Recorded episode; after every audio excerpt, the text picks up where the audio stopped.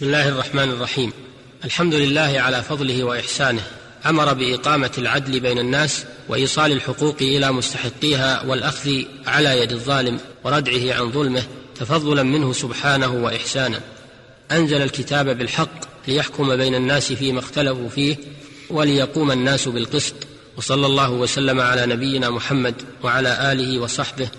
ومن تمسك بسنته وسار على نهجه إلى يوم الدين وبعد. أيها المستمعون الكرام السلام عليكم ورحمة الله وبركاته. نتحدث إليكم في هذه الحلقة وما بعدها إن شاء الله عن جانب مهم في الإسلام ألا وهو جانب القضاء. حيث إن الفقهاء رحمهم الله اهتموا بهذا الجانب وأولوه عناية خاصة وجعلوا له حيزا كبيرا في كتب الفقه. قال شيخ الإسلام ابن تيمية رحمه الله والواجب اتخاذ ولاية القضاء دينا وقربه فإنها من أفضل القربات وإنما فسد حال الأكثر لطلب الرياسه والمال بها انتهى. والأصل في ذلك الكتاب والسنة والإجماع. قال الله تعالى وأن احكم بينهم بما أنزل الله وقال تعالى يا داود إنا جعلناك خليفة في الأرض فاحكم بين الناس بالحق وقد تولاه النبي صلى الله عليه وسلم بنفسه ونصب القضاة في الأقاليم التي دخلت تحت الحكم الإسلامي. كذلك خلفاؤه من بعده وأجمع المسلمون على نصب القضاة للفصل بين الناس والقضاء في اللغة له معان منها إحكام الشيء والفراغ منه. قال تعالى فقضاهن سبع سماوات في يومين. ومعناه اصطلاحا تبيين الحكم الشرعي والإلزام به وفصل الخصومات. قال شيخ الإسلام ابن تيمية رحمه الله في القاضي هو من جهة الإثبات شاهد ومن جهة الأمر والنهي مفتن ومن جهة الإلزام بذلك ذو سلطان انتهى. وحكم القضاء في الإسلام أنه فرض كفاية لأن أمر الناس لا يستقيم بدونه. قال الإمام أحمد رحمه الله لا بد للناس من حاكم لئلا تذهب الحقوق. قال شيخ الإسلام ابن تيمية قد أوجب النبي صلى الله عليه وسلم تأمير الواحد في الاجتماع القليل العارض في السفر. وهو تنبيه على أنواع الاجتماع انتهى.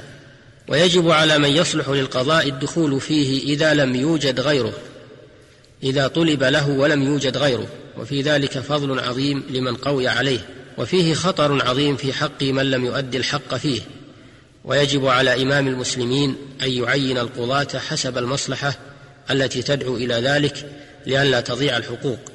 ويختار أفضل من يجده علما وورعا. ومن لم يعرف صلاحيته سأل عنه.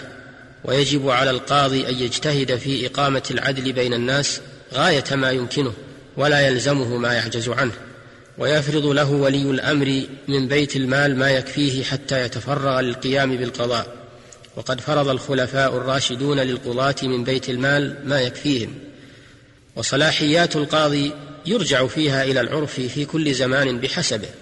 قال شيخ الإسلام ابن تيمية رحمه الله ما يستفيده بالولاية لا حد له شرعا بل يتلقى من الألفاظ والأحوال والعرف لأن كل ما لم لأن كل ما لم يحد شرعا يحمل على العرف كالحرز والقبض.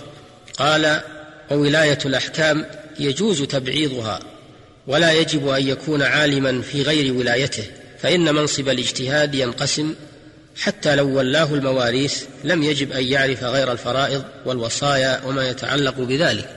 وإن ولاه عقود الأنكحة وفسخها لم يجب أن يعرف إلا ذلك. وعلى هذا إذا قال اقض فيما تعلم كما يقول أفت فيما تعلم جاز. ويسمى ما لا يعلم خارجا عن ولايته. كما نقول في الحاكم الذي ينزل على حكم الذي ينزل على حكمه الكفار وفي الحكمين في جزاء الصيد. انتهى.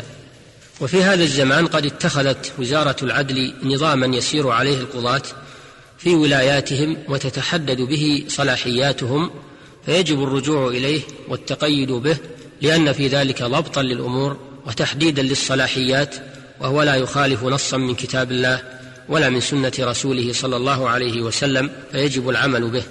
ويشترط في من يتولى القضاء أن توفر فيه عشر صفات تعتبر حسب الإمكان أن يكون بالغا عاقلا لأن غير المكلف تحت ولاية غيره فلا يكون واليا على غيره وأن يكون ذكرا لقوله صلى الله عليه وسلم ما أفلح قوم ولوا أمرهم امرأة وأن يكون حرا لأن الرقيق مشغول بحقوق سيده وأن يكون مسلما لأن الإسلام شرط للعدالة ولأن المطلوب إذلال الكافر وفي توليته القضاء رفعة واحترام له. وأن يكون عدلا فلا تجوز تولية الفاسق لقوله تعالى يا أيها الذين آمنوا إن جاءكم فاسق بنبأ فتبينوا. وإذا كان لا يقبل خبره فعدم قبول فعدم قبول حكمه من باب أولى. وأن يكون سميعا لأن الأصم لا يسمع كلام الخصمين. وأن يكون بصيرا لأن الأعمى لا يعرف المدعي من المدعى عليه. وقال شيخ الإسلام ابن تيمية قياس المذهب تجوز ولايته يعني الأعمى كما تجوز شهادته إذ لا يعوزه إلا عين الخصم ولا يحتاج إلى ذلك بل يقضي على موصوف كما قضى داود بين الملكين. ويتوجه أن يصح مطلقا ويعرف بأعيان الشهود والخصوم كما يعرف بمعاني كلامهم في الترجمة. إذ معرفة كلامه وعينه سواء. انتهى كلامه رحمه الله. ويشترط في القاضي أن يكون متكلما لأن الأخرس لا يمكنه النطق بالحكم ولا يفهم جميع الناس إشارته. وأن يكون مجتهدا ولو في مذهبه الذي يقلد فيه إماما من الأئمة بأن يعرف القول الراجح فيه من المرجوح. قال شيخ الإسلام ابن تيمية رحمه الله وهذه الشروط تعتبر حسب الإمكان وتجب ولاية الأمثل فالأمثل وعلى هذا يدل كلام الإمام أحمد وغيره. فيولى لعدم الأنفع من الفاسقين وأقلهما شرا وأعدل المقلدين وأعرفهما بالتقليد. وقال صاحب الفروع وهو كما قال وقال في الإنصاف في تولية المقلد وعليه العمل من مدة طويلة وإلا تعطلت أحكام الناس وذكر ابن القيم أن المجتهد هو العالم بالكتاب والسنة ولا ينافي اجتهاده تقليد غيره أحيانا فلا تجد أحدا من الأئمة إلا وهو مقلد من هو أعلم منه في بعض الأحكام. أيها المستمعون الكرام إلى الحلقة القادمة بإذن الله. السلام عليكم ورحمة الله وبركاته. والحمد لله رب العالمين وصلى الله وسلم على نبينا محمد وآله وصحبه.